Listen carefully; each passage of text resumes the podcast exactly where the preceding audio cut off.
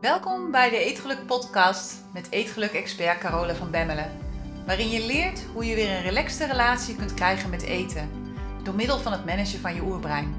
Zodat je voorgoed gaat stoppen met snoepen, snaaien, overeten en diëten. En weer trots bent op jezelf. Dag mooie vrouw, daar ben ik weer met een nieuwe podcast. Ja, nieuw. Ehm, voor deze week heb ik weer ehm, een samenvatting voor je gemaakt van een aantal podcasts. Er zijn inmiddels zoveel podcasts verschenen dat het altijd goed is om te herhalen. Plus dat, ja, je weet het, herhaling maakt de meeste. Hè? Dat wat je vaak doet, dat wat je vaak hoort, dat wat je vaak zegt, is dat wat je in je brein gaat programmeren. Dus vandaar dat we deze week weer een best-of podcast hebben. Waarin ik het ga hebben met je over eetgedachten, over zelfbetrouwbaarheid. Hè, dus over het nakomen van de afspraken met jezelf. Ik ga het hebben over de allerbeste manier om duurzame verandering te creëren voor jezelf. Op een fijne manier, zonder stress. En we gaan het hebben over je gewicht en de weegschaal. En over hoe je jouw relatie met de weegschaal kunt verbeteren. Laten we het daarop houden. Maar ook over hoe je de weegschaal in kunt zetten om je gedachten te leren waarnemen. Ga lekker luisteren. Ik wens je heel veel plezier met deze podcast. En uh, ja, wat mij betreft tot, uh, tot snel weer. Doei! Gedachten bepalen jouw relatie met eten. Eigenlijk bepaalt iedere relatie, iedere relatie die je hebt, met wat dan ook, wordt bepaald door je gedachten. En jouw gedachten over eten is waar jouw relatie met eten uit bestaat. Want een relaxte relatie met eten heeft eigenlijk helemaal niets met eten te maken. En echt geloof me, het gaat maar over één ding. Een relaxte relatie met eten gaat over de relatie die je hebt met jezelf. En de relatie die je hebt met jezelf, maar ook de relatie met anderen of de relatie met dingen in je leven, wordt volledig bepaald door één ding en dat zijn je gedachten. dat betekent dus dat het enige dat tussen jou en een relaxte relatie met eten instaat, dat dat je gedachten zijn. Het zijn je gedachten over jezelf, het zijn je gedachten over je leven, maar het zijn ook je gedachten over eten. dus je gedachten zijn de sleutel waarmee je jouw leven, maar dus ook je relaties, waaronder dus jouw relatie met eten, creëert. Dus als het gaat om een relaxte relatie met eten, dan gaat dat eigenlijk in de basis niet over wat je eet, maar over waarom je eet. Het gaat over de gedachten die je denkt over jouw eetgedrag en over jouw eetkeuzes. Want waarom je eet, dat bepaalt uiteindelijk wat je eet. als je niet lekker in je vel zit, dan zul je waarschijnlijk andere eetkeuzes maken dan wanneer je wel lekker in je vel zit. En alles daarover begint bij je gedachten. je gedachten bepalen hoe je je voelt over jezelf of over een bepaalde situatie of over een bepaald iets. En vanuit hoe je je voelt, maak je vervolgens een keuze voor de dingen die je doet. Dus wanneer je massief actie onderneemt, maar je gedachten over jezelf niet verandert, dan kun je eigenlijk alleen maar resultaten bereiken vanuit wilskracht. Nou, en de wilskrachtbatterij heeft energie voor 15 minuten per dag. Hè, daar heb ik het een aantal podcasts geleden over gehad. Dus dat betekent dat wanneer je wilskrachtbatterij leeg is en wanneer je gedachten over jezelf niet ondersteunend zijn aan wat je doet, dat je jezelf zult gaan saboteren. En exact dat is de reden dat alle diëten mislukken, maar ook dat heel veel goede voornemens mislukken. Dat je heel veel doelen niet gaat behalen. Maar ook dat je s'avonds niet uit de voorraadkast kunt blijven je bent gefocust op wat je moet doen in plaats van op waarom je doet wat je doet. En ik krijg regelmatig mail van cursisten die aan me vragen: Help, het lukt me niet om me aan mijn planning te houden. Hoe kan ik dat oplossen? Wat kan ik doen?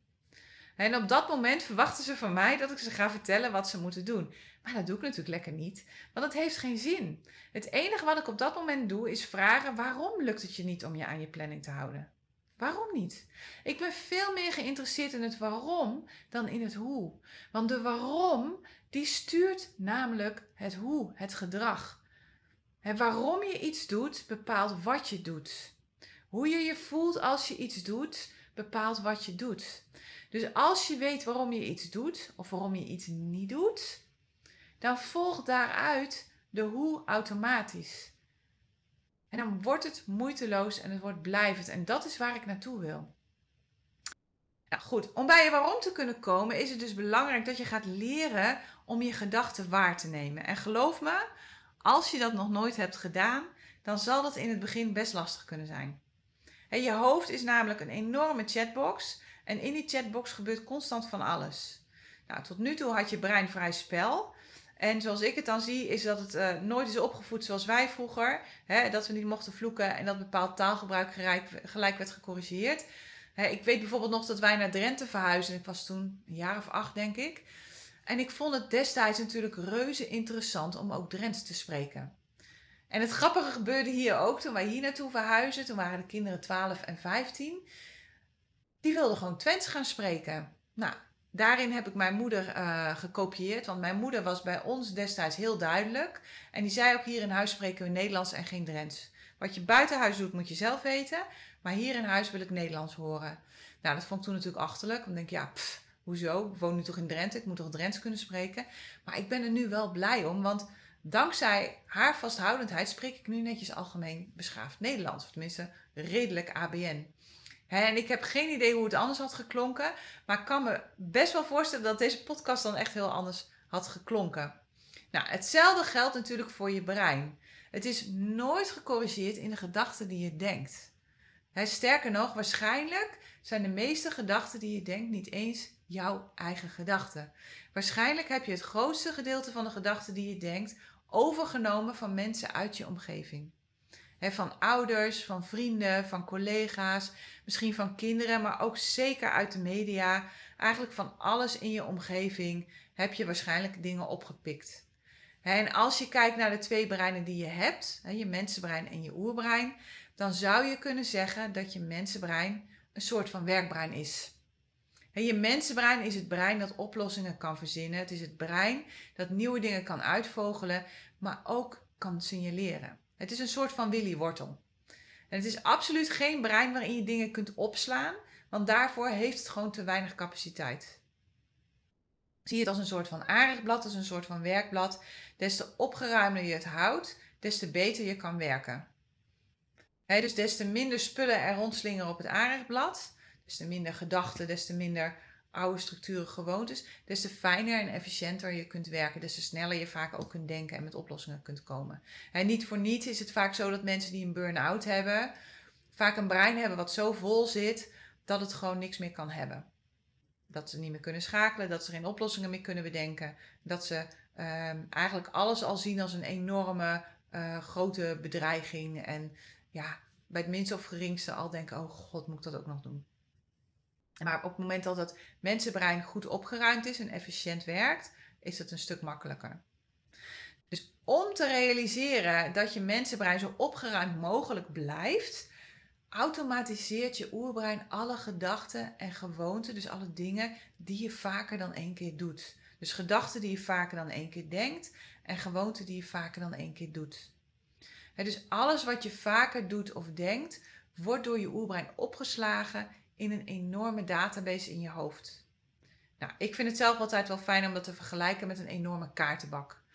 alles wat je ooit hebt meegemaakt in je leven zit in die kaartenbak. En alles wat je vaker dan één keer hebt herhaald, zit verder naar voren in die kaartenbak. dus iedere situatie, ieder succes, iedere mislukking, alles, alles, alles heeft een kaart in die kaartenbak. en nogmaals, des te vaker je iets hebt gedaan of hebt gezegd of hebt meegemaakt, des te meer vooraan deze kaart zal staan in de kaartenbak. En des te meer vooraan een kaart staat in de kaartenbak, des te groter de kans is dat je je er niet van bewust bent dat je bepaalde gedachten denkt, of dat je iets zegt, of dat je iets doet. Ja, en dat heeft een reden. Want alles waar je niet over hoeft na te denken, dat kost je brein geen energie. Nou, en exact dat is de reden waarom je oerbrein dit zo doet. zodat je mensenbrein beschikbaar blijft voor het bedenken van oplossingen, voor het creëren van nieuwe dingen. Ik doe hetzelfde binnen mijn bedrijf. Hè. Alle handelingen die ik vaker dan één keer moet doen, dan kijk ik hoe ik ze kan automatiseren. En soms is dat in de vorm van een standaard antwoord. Soms is dat in de vorm van een ondersteunend programma. Hè, zoals bijvoorbeeld het mailprogramma waarmee ik werk. En waarbij ik dingen gewoon vooraf kan inplannen. Dat ik er zelf niet meer over hoef na te denken. Dat ik niet iedere dag in mijn brein een heel rijtje langs moet van... oh, wat moet ik allemaal nog doen? En het is het administratieprogramma dat ik heb voor de maandelijkse incasso's. Ja, ik moet er niet aan denken, echt, ik moet er echt niet aan denken dat ik al deze dingen iedere dag opnieuw zelf zou moeten doen. Ja, want dan zou ik geen tijd meer overhouden om podcasts te maken. Ik zou geen tijd meer overhouden om masterclasses te creëren. En ik zou al helemaal geen tijd meer overhouden om mijn nieuwe boek te schrijven. Ja, alles wat je kunt automatiseren, moet je automatiseren in een bedrijf, vind ik. En exact dat is wat je oerbrein ook doet voor jou. alles wat het kan automatiseren aan gedrag en aan gewoontes en aan andere dingen, zal het automatiseren. En op die manier houdt je mensenbrein lucht en ruimte over voor het oplossen van problemen en het onderzoeken en creëren van nieuwe dingen. Nou, dat is ook heel erg belangrijk. Dat zorgt ervoor dat je iedere dag opnieuw weer het gevoel hebt dat je leeft. Wanneer je niet bewust bent van dit mechanisme en van hoe dit werkt, dan loop je dus het enorme risico dat je iedere dag opnieuw het verleden herhaalt. en dat je onbewust reageert op bepaalde situaties. Waardoor je soms achteraf denkt: wat heb ik eigenlijk gedaan? Oh shit, niet handig. Weet je dat? Dat kennen we ook allemaal. Maar ook dat je wel wilt veranderen, maar dat het op de een of andere manier gewoon niet lukt, omdat je automatische gewoonten te sterk zijn. Wanneer je dus wilt veranderen of wanneer je andere resultaten wilt creëren voor jezelf, dan is de eerste stap dat je je bewust wordt van alles wat er in die kaartenbak zit. Met andere woorden, je zult moeten gaan kijken naar wat er eigenlijk gebeurt in je brein. Naar de gedachten die je denkt en naar hoe deze gedachten je laten voelen en welke acties je vanuit dat gevoel gaat doen. Dus wanneer je je beter wilt voelen en wanneer je andere resultaten wilt behalen, wanneer je blijvende resultaten wilt gaan behalen zonder strijd, dan is het dus heel belangrijk dat je gaat leren hoe je je gedachten kunt waarnemen en hoe je je gedachten kunt gaan sturen. En dat is het werk wat we doen in de Eetgeluk Universiteit. Iedere dag opnieuw ga je onderzoeken wat er gebeurt in je hoofd en ga je kijken welke gedachten je helpen en van welke gedachten je afscheid wil nemen. Het is net als onkruidwieden in de tuin of als het opruimen van het aanrecht nadat je hebt gekookt en hebt gegeten. Als je dat iedere dag even doet, is er helemaal niets aan de hand. Maar de meeste mensen hebben dit in hun hele leven nog nooit gedaan. En daarom is het zo vol in je hoofd. En daarom is het zo onrustig in je hoofd. En daarom ben je de hele dag met jezelf in discussie. We denken de hele dag geautomatiseerd uh, gedachten. En 80% van die gedachten is negatief. Dus 80% van die gedachten zorgt ervoor dat jij je niet goed voelt. En dat je dus acties gaat doen om je nu in het moment goed te voelen. Maar waardoor je dus uiteindelijk op de lange termijn helemaal niet jezelf goed voelt.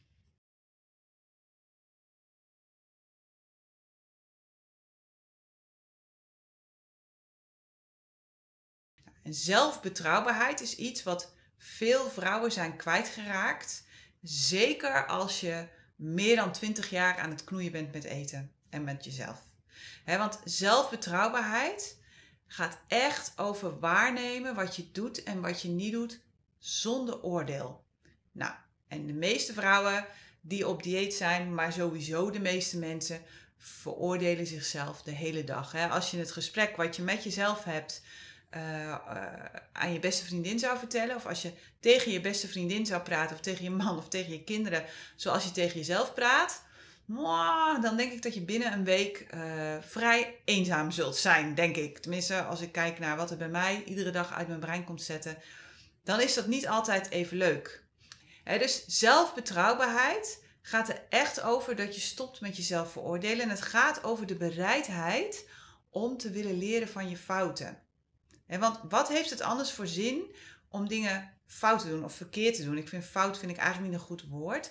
Om te willen leren van je ervaringen. Ik denk dat dat een beter woord is. het gaat over het nemen van de volledige verantwoordelijkheid voor jezelf en voor je leven. Want jouw leven op dit moment is een optelsom van alle keuzes die je in het verleden hebt gemaakt en van alle acties die je in het verleden hebt ondernomen of niet hebt ondernomen. En zelfbetrouwbaarheid gaat over doorzetten. Het gaat over iedere keer opnieuw opstaan. Het gaat er echt over dat je je gaat leren houden en dat je uiteindelijk gaat houden aan de afspraken die je maakt met jezelf. Een Olympische atleet die zal ook niet van de een op de andere dag zijn medaille hebben. Die valt honderdduizend keer, maar die staat weer op. Uiteindelijk hoef je maar één keer vaker op te staan dan dat je valt. Meer is het eigenlijk niet. Dus zelfbetrouwbaarheid gaat over wie je bent en wat je doet als je alleen bent en als er niemand kijkt. Dat is waar het over gaat. Betrouwbaarheid naar andere mensen bouw je op door te zeggen met wat je doet en te doen wat je zegt. En je spreekt af dat je ergens op een bepaalde tijd bent en door je aan die afspraak te houden, word je betrouwbaar. des te vaker jij uh, afspraken nakomt aan andere mensen, des te betrouwbaarder je naar hun toe zult worden. En des te uh, ja, meer vertrouwen zij in jou zullen hebben en ook meer vertrouwen zullen ze gaan geven. dus je belooft dat je iets zult doen en je belooft dat je iets zult regelen en je doet het dan ook. Zo bouw je betrouwbaarheid op.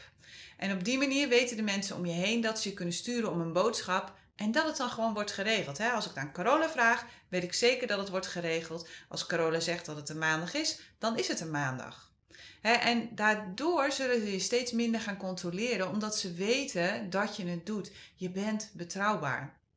Nou, betrouwbaarheid naar jezelf bouw je op dezelfde manier op. Dat bouw je echt op door te zeggen wat je doet en door te doen wat je zegt. Maar daar zit de grote adder. Het is vaak makkelijker om je aan afspraken te houden met anderen dan aan de afspraken die je hebt gemaakt met jezelf. Het is vaak ontzettend lastig om een gemaakte afspraak met een ander af te zeggen. bijvoorbeeld afspraken om te gaan sporten. Ik weet nog wel dat ik ooit een keertje heb ik in zo'n uh, zo'n capsule getraind. Weet je wel, zo'n nou ja, goed, zo'n warme luchtcapsule, weet ik het. Een zuurstofarme capsule. En uh, die afspraken die plande ik altijd in. En ik ging ook altijd netjes, omdat dat ingepland stond. Maar op het moment dat ik een afspraak had met mezelf, dat ik bijvoorbeeld op maandag iets zou gaan doen, ja, en dan kwam er iets anders tussendoor, dan was het heel makkelijk om dat af te zeggen. Nou, de vraag is hoe dat komt. Goed, de betrouwbaarheid van jezelf vergroten gaat dus niet over het maken van de juiste keuzes. Het gaat ook niet over perfect zijn. En het gaat al helemaal niet over wachten tot iemand je vertelt wat je moet doen. Het gaat echt over het vinden van nieuwe manieren van denken en doen. Het gaat over het opzetten van je eigen controlesystemen en stokken achter de deur. Nou, dat vind ik allemaal een beetje onvriendelijk klinken, dus ik noem dat liever structuur. het gaat over plannen, het gaat over het aanleren van nieuwe gewoontes en het gaat over het leren managen van je brein. En dat is iets waar we in de Eetgeluk Universiteit iedere dag opnieuw aandacht aan besteden. wanneer je betrouwbaar bent naar jezelf, of wanneer je een betrouwbare partner bent voor jezelf, dan ben je eerlijk naar jezelf en stel je jezelf de juiste vragen. Je durft verder te kijken naar wat je nu voelt, dan naar wat je nu voelt. En je neemt je beslissingen gebaseerd op de effecten die je verwacht op de lange termijn. Het gaat erom dat je jezelf heel bewust iedere dag opnieuw uitdaagt om eerlijke keuzes te maken. Jij beslist steeds opnieuw wat jij belangrijk vindt. Je geeft zelf richting aan jouw leven en je geeft zelfs richting aan de keuzes die je maakt. Nou, en daarin kun je ervoor kiezen om jezelf te zien als een slachtoffer van je leven, hè, als dat je leven je overkomt, of als een leider van je leven, door de verantwoording te nemen voor de dingen die je creëert, voor de dingen die je aangaat. En wanneer je jezelf ziet als slachtoffer van je leven, nou, ik noem dat vaak wel het arme ik-syndroom, heb ik weer, arme ik, dan geef je anderen de schuld van hoe je je voelt. En dat ontstaat vaak wanneer je problemen niet gelijk oplost. Of wanneer je geen verantwoording neemt voor de dingen die je hebt gecreëerd. En je legt de verantwoording dan neer bij anderen in plaats van bij jezelf als dingen niet lukken. Je geeft je kinderen de schuld van het feit dat jij eten in huis had waar je zelf niet vanaf kunt blijven, bijvoorbeeld. Of je geeft je partner de schuld van jullie eeuwige tekort op de bankrekening. Of je bent boos op die praatgrage collega omdat je nu je werk niet af hebt. Maar wanneer je komt vanuit de arme ik, dan is dat niet handig. Want dan geef je dat het gevoel dat je de controle kwijt bent. je voelt je vaak hopeloos omdat de dingen niet gaan zoals je dat had gewild. En punt is dat het nooit gaat zoals je wilt. Het leven is niet perfect. Nu niet en nooit niet. 85% van de tijd heb je regie, maar 15% van de tijd loopt het echt anders dan dat je had bedacht hoor. En dan kun je boos worden op het leven of op de mensen om je heen. Maar wanneer je dat doet, zet je jezelf buitenspel. Je geeft dan je kracht weg om het zelf op te lossen. En je zegt dan eigenlijk dat je wacht tot het leven weer doet wat jij wilt voordat je in beweging komt. En wanneer je weer een relaxe relatie wilt met eten, gaat dat niet werken. Gaat hem echt niet worden. Een van de honden ligt hier te dromen. Met een heel stuk gelopen. dus het helpt je niet als je anderen of de situatie de schuld geeft van jouw eetgedrag. uiteindelijk is er niemand die jou dwingt om te eten. De enige die jou dwingt om te eten, dat ben je zelf. Jij bent degene die ervoor kiest om iets in je mond te stoppen of om nee dankje te zeggen. Niemand anders. En als je weer de leider wilt worden van jouw leven, als je weer de leider wilt worden van jouw eetgedrag, dan is er dus een andere mindset nodig. En wees gewaarschuwd, ook als leider van jouw leven loop je tegen dezelfde problemen aan met de omgeving en met de mensen om je heen. Alleen het verschil tussen een leider en een arme ik is dat de leider minder lang met deze problemen bezig is. Hij kijkt hoe hij ze op kan lossen voor zichzelf en gaat verder. En hij gaat niet lopen jammeren en wijzen naar de schuldige. Nee, een leider neemt de verantwoordelijkheid voor wat hij heeft gecreëerd en daardoor kan dit oplossen. dus alleen wanneer je de volle verantwoordelijkheid neemt voor alle resultaten die je tot nu toe in je leven hebt gecreëerd, kun je ze oplossen. Wanneer je de verantwoordelijkheid bij een ander legt, kun je niets doen, want dan moet je namelijk wachten tot een ander ze oplost. En soms gebeurt dat gewoon nooit. Dus aan jou de keuze. Het duurzame verandering gaat er niet om dat je 30 dagen lang de strijd aangaat met jezelf. Het gaat er juist om dat je het zo strategisch aanpakt dat je eigenlijk al gewonnen hebt voordat je begint. dus dat je het op zo'n manier doet en op zo'n manier regelt voor jezelf dat het niet voelt als een verandering. Een prachtig voorbeeld van deze stapjes is natuurlijk het hele beleid dat we de afgelopen twee jaar hebben mogen meemaken rondom alle coronamaatregelen. Stapje voor stapje zijn we meegenomen naar steeds meer maatregelen. En naar maatregelen die als ze in één keer zouden zijn ingevoerd, waarschijnlijk nooit het levenslicht hadden gezien. dus daarin zie je ook dat ze heel doeltreffend een strategie hebben toegepast van het zetten van kleine stapjes. dus de sleutel naar een relaxte relatie met eten is dan ook dat je eerst je brein verandert voordat je je lichaam probeert te veranderen. want je lichaam is altijd het resultaat van je huidige mindset. En het enige dat tussen jou en een relaxte relatie met eten instaat, dat zijn jouw gedachten over eten. Dus je zult het gedrag van je oerbrein moeten gaan begrijpen en je zult moeten leren hoe je dat kunt managen. want je oerbrein is een langzaam veranderende machine en dat is heel goed. Dat zorgt er namelijk voor dat je stabiel blijft. En dat is weer heel fijn, Zeker omdat bij de meeste mensen vrijwel al hun gedachten automatisch gaan. Dat de meeste mensen zich totaal niet bewust zijn van wat ze denken. En het feit dat je brein langzaam verandert, betekent dus dat het veel herhaling nodig heeft voordat het een gewoonte zal automatiseren. En je kunt het ook wel zien als een puberdochter die iedere week een nieuw vriendje mee naar huis neemt. waarschijnlijk zul je dan als ouder zeggen: Nou, we wachten het wel even af voordat we ze in de familie introduceren.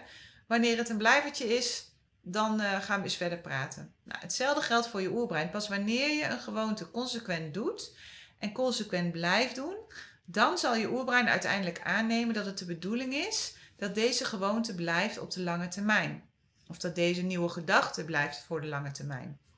En wat het dan zal doen, is dat het hem zal automatiseren, waardoor je hem automatisch gaat doen, waardoor je de gedachten automatisch gaat denken, zonder dat je er nog over na hoeft te denken en zonder dat het moeite kost.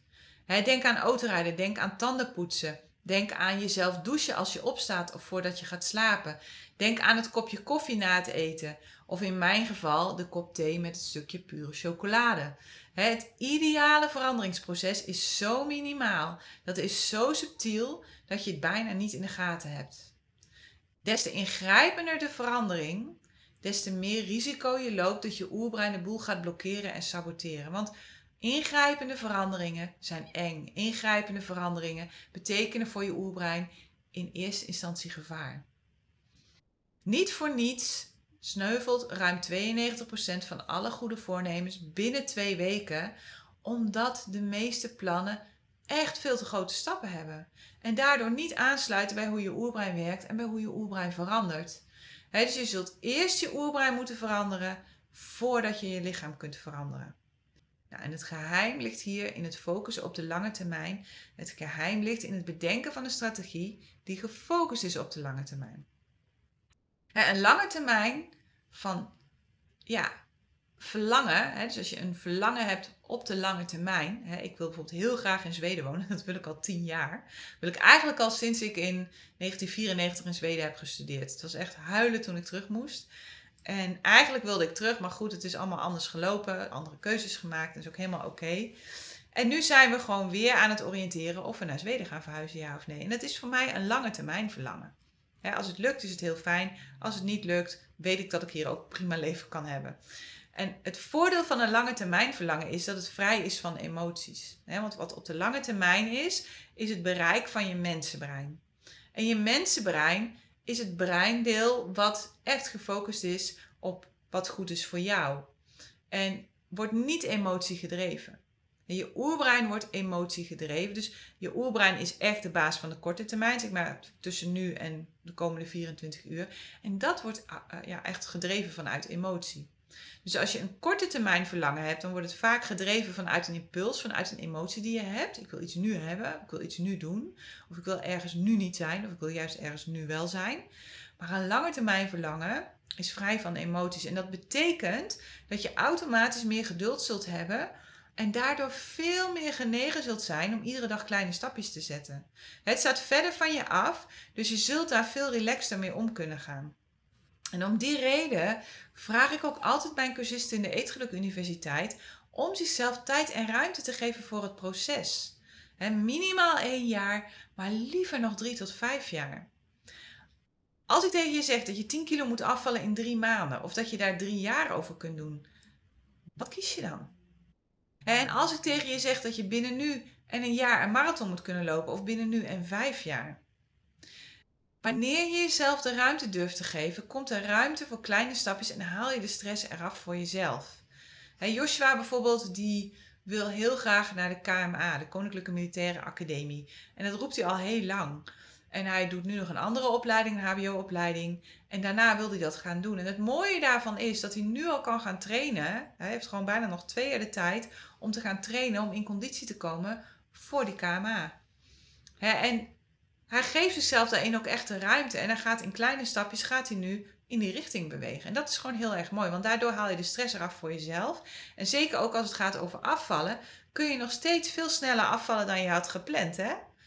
Ook als je kleine stapjes neemt. En je kunt ook nog steeds veel sneller klaar zijn voor die marathon. Maar het fijne is dat er dan geen druk meer op staat. 100 gram per week eraf is toch een pond per maand. En het is uiteindelijk toch 6 kilo per jaar. En het gaat veel relaxter op die manier. dus wanneer je dingen snel voor elkaar wilt hebben, dan is het vaak gestuurd vanuit een emotie. Is het vaak gestuurd vanuit het oerbrein. je wilt dan vaak iets omdat je je nu niet lekker voelt en omdat je denkt en verwacht dat dit opgelost is als je je doel hebt bereikt. Nou, het gevaar van dingen snel willen doen is dat het vaak rommelig gaat, waardoor je uiteindelijk langer bezig bent dan wanneer je kleine stapjes had gezet. En het andere gevaar is dat je oerbrein je gaat saboteren, waardoor je helemaal niet vooruit komt. Maar wanneer je dromen en wanneer je wensen deel gaan uitmaken van een grotere visie, van een groter plan voor jouw toekomst, dan wordt het veel makkelijker om de juiste keuzes te maken op lastige momenten, maar ook om compassie te hebben met jezelf als het even een keer niet lukt, want je hebt tijd genoeg. Ja, en dat heeft er alles mee te maken dat je de dingen dan veel beter in de juiste context kunt plaatsen.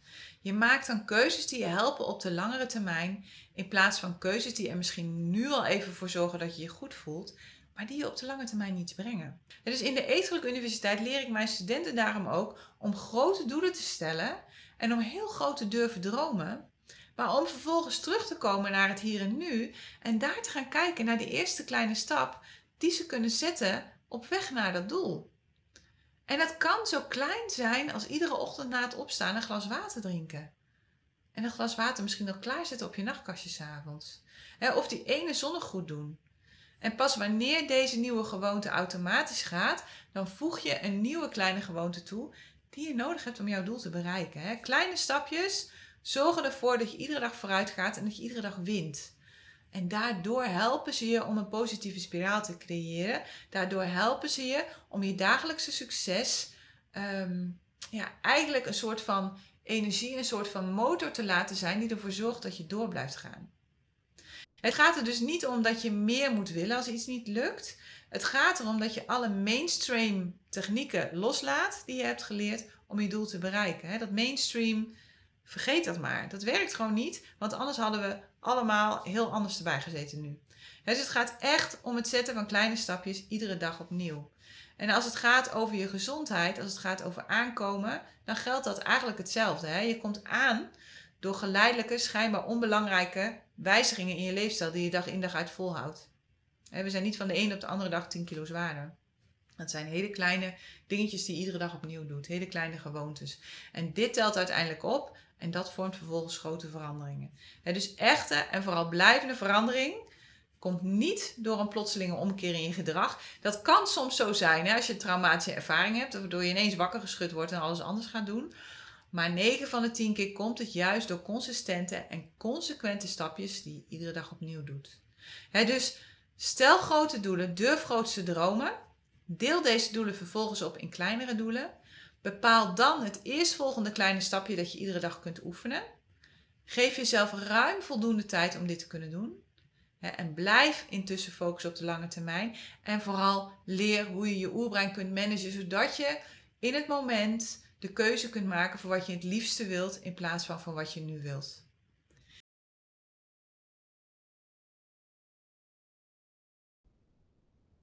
Hey, als je het fijn vond om naar deze podcast te luisteren, kijk dan eens naar de Eetgeluk Universiteit.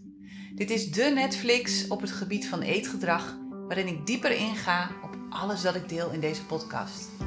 En waarin ik je leer hoe je dit kunt toepassen in jouw leven. En misschien wel het allerbelangrijkste, op jouw eetgedrag. Je vindt alle informatie op degelukkigeeter.nl. Het lijkt me super om jou daar te zien. Tot daar.